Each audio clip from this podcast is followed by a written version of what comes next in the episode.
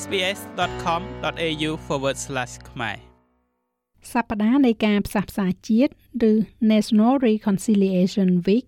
គឺជាពេលវេលាមួយនៃការប្រារព្ធនិងសាងការគោរពរវាងជនជាតិដើម Aboriginal និង Torres Strait Islander ជាមួយនឹងពលរដ្ឋអូស្ត្រាលីដទៃទៀតវាក៏កត់សម្គាល់ផងដែរនៅការបរិច្ឆេទសំខាន់សំខាន់នៅក្នុងប្រវត្តិសាស្ត្ររបស់ជនជាតិដើមភាគតិចអូស្ត្រាលី ដូចជាការធ្វើប្រជាមតិនៅឆ្នាំ1967និងសេចក្តីសម្រេចម៉ាបូឆ្នាំ1992សូមអញ្ជើញអ្នកទាំងអស់គ្នាស្វែងយល់បន្ថែមអំពីរឿងរ៉ាវរបស់ប្រទេសអូស្ត្រាលីអស់ពេល60000ឆ្នាំមកហើយដែលជនជាតិដើម Aboriginal និង Torres Strait Islander ហៅប្រទេសអូស្ត្រាលីថាជាផ្ទះនៅពេលដែលកាប់តាន James Cook មកចុះចតដំបូងគេនៅឆ្នេរ Botany Bay ក្នុងឆ្នាំ1770នោះលោកបានប្រកាសទឹកដីដែលលោកបានឃើញនេះថាជា Terra Nullius មានន័យថាទឹកដីដែលគ្មានម្ចាស់ No one's land នេះបានបង្កើតជាមូលដ្ឋានគ្រឹះនៃការតាំងទីលំនៅរបស់ជនជាតិអឺរ៉ុបដោយផ្អែកលើច្បាប់របស់អង់គ្លេស អ្វីដែលត្រូវបានគេចាត់ទុកថាជាការតាំងអាណានិគមពីទស្សនៈរបស់ចក្រភពអង់គ្លេសនោះត្រូវបានប្រជាជនដើមដំបូងរបស់អូស្ត្រាលីឬហៅថា First People មើលឃើញថាជាការឈ្លានពានលោក Patrick Dodson មានតួនាទីជាច្រើននៅក្នុងនាមជាមេដឹកនាំជនជាតិដើម Aboriginal ម្នាក់បរិះជនជាតិបានអាកានេះគឺជាបុព្វជិតសង្ឃកាតូលិកជនជាតិដើមដំបូងគេបង្អស់នៅអូស្ត្រាលី ជារឿយៗគាត់ត្រូវបានគេហៅថាជាបិតានៃការផ្សះផ្សា ដែលកាន់តំណែងយ៉ាងយូរជាប្រធាននៃក្រុមប្រឹក្សានៃការផ្សះផ្សាជនជាតិដើម Aboriginal និងឥឡូវនេះ ជាសមាជិកព្រឹទ្ធសភាមួយរូបនៅក្នុងសភាប៉ុន្តែការពិតជាក់ស្ដែងលោកបានរស់នៅក្នុងជីវិតខុសពីនេះ កាលពីមុនពេលដែលការធ្វើប្រជាមតិនៅឆ្នាំ1967បានធ្វើឡើង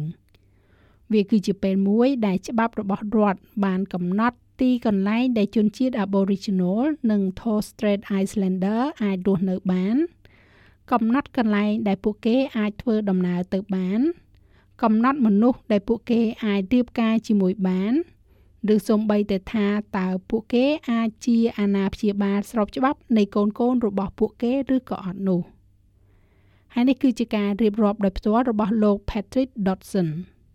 You grew up under this fear that someone in authority អ្នកធំដឹងក្តីឡើងក្រោមការភ័យខ្លាចទាំងអស់នេះតែថាអ្នកណាម្នាក់ដែលមានអំណាចតែគេហៅថាជាអ្នកការពារជនជាតិដើម អាចធ្វើអន្តរាគមក្នុងជីវិតរបស់អ្នកនិងដកអ្នកទៅធ្វើបេសកកម្មឬទៅតាំងទីលំនៅថ្មីក្រោមហេតុផលអ្វីក៏ដោយ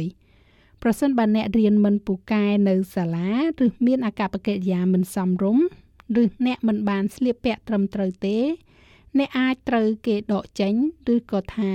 ប្រសិនបើអ្នកចាប់ផ្ដើមនិយាយភាសាកំណើតរបស់ខ្លួនឬក៏អ្នកចាប់ផ្ដើមទៅសួរសុខទុក្ខមនុស្សចាស់ដែលអង្គុយនៅជំរំណាមួយជាដើមនោះកាលពី51ឆ្នាំមុន មានមនុស្សដ៏ច្រើនលើសលប់គឺ90.77%ដែលចូលរួមបោះឆ្នោត បានឆ្លើយយល់ព្រមនៅក្នុងការរួមបញ្ចូលជនជាតិ Aboriginals នៅក្នុងស្ថិតិប្រជាជនអូស្ត្រាលី25ឆ្នាំក្រោយមកបរិះជនជាតិ Meriam Murup ឈ្មោះថា Eddie Mabo បានបង្កើតនៅប្រវត្តិសាស្ត្រថ្មីមួយទៀតដោយការយកឈ្នះរឿងក្តីដ៏សំខាន់មួយ ដែលជនជាតិដើមអូស្ត្រាលីត្រូវបានទទួលស្គាល់ជាលើកដំបូងលោក Patrick Dodson រៀបរាប់ជាបន្ត តាមការពិតសេចក្តីសម្រេច Mabo បានលុបបំបាត់ចោលនៅពាក្យកុហកស្របច្បាប់ដែលថា Terra Nullius ដែលជាមូលដ្ឋានដែលអាណានិគមរបស់អូស្ត្រាលី បានដណ្ដើមយកដីទាំងនេះ ហើយបានបដិសេធកម្មសិទ្ធិផ្ទាល់ខ្លួនរបស់ជនជាតិដើមភាគតិច។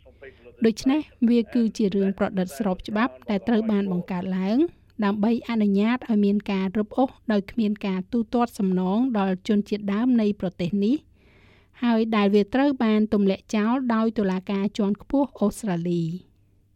តន្ត្រីករ Didger Ridu លោក Jeremy Donovan គឺជាបរិះជនជាតិ Kuku-Yalanji ដ៏មានមោទនភាពម្នាក់ជឿជាក់ថានៅមានរឿងប៉ះពៅជាច្រើនទៀតដែលត្រូវធ្វើ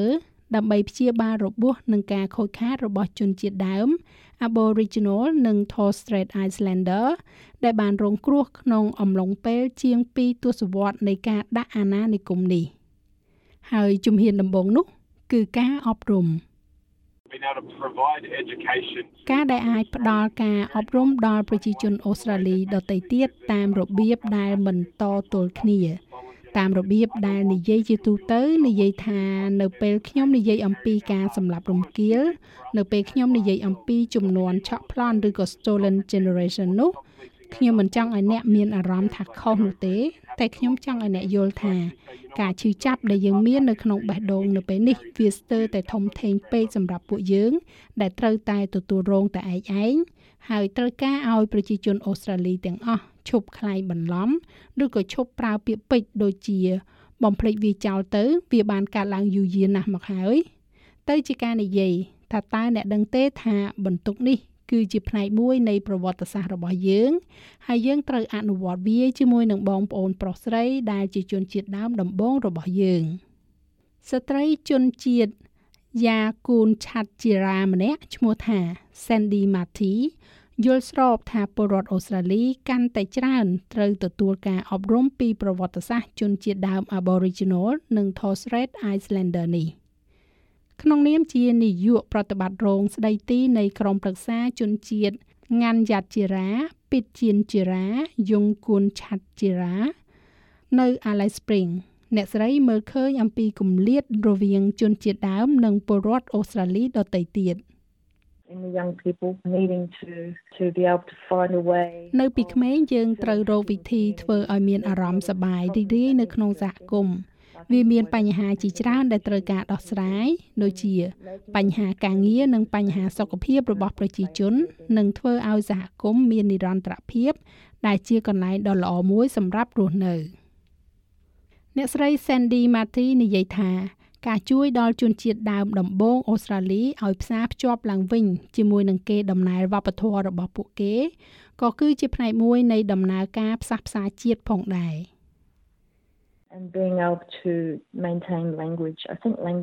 ហើយការដែលអាចរក្សាភាសាខ្ញុំគិតថាភាសាគឺសំខាន់ខ្លាំងណាស់សម្រាប់សហគមន៍ជនជាតិដើមនៅក្នុងតំបន់ដាច់ស្រយាលក៏ដូចជានៅទូទាំងប្រទេសអូស្ត្រាលីទាំងមូលការស្ទង់មតិឆ្នាំ2016ដែលធ្វើឡើងដោយ Recognize បានរកឃើញថា77%នៃពលរដ្ឋអូស្ត្រាលីដែលមិនមែនជាជនជាតិដើម និង87%នៃជនជាតិដើមអូស្ត្រាលី ចង់ឲ្យមានការទទួលស្គាល់ជនជាតិដើមដំបូងឬក៏ First Australians នៅក្នុងរដ្ឋធម្មនុញ្ញរដ្ឋមួយចំនួនរួមទាំង Queensland, New South Wales និងរដ្ឋ Victoria បានកែប្រែរដ្ឋធម្មនុញ្ញរបស់ខ្លួនដើម្បីទទួលស្គាល់ជនជាតិដើម Aboriginal និង Torres Strait Islander នៅក្នុងរបាយការណ៍មួយតាំងពីឆ្នាំ2004មកម្ល៉េះ។ អ្នកស្រី Jeremy Donovan ពន្យល់បន្ថែម You need to reconcile something when an agreement has been broken. អ្នកត្រូវផ្សះផ្សាអ្វីមួយនៅពេលដែលកិច្ចព្រមព្រៀងមួយត្រូវបានបំពានប៉ុន្តែអូស្ត្រាលីត្រូវបានឈ្លានពានវាមិនមែនជាកិច្ចព្រមព្រៀងនោះទេដូច្នេះយើងពិតជាត្រូវការបង្កើតនៅកិច្ចព្រមព្រៀងថ្មីមួយ ដែលយើងជាប្រជាជនអូស្ត្រាលីនៅថ្ងៃនេះ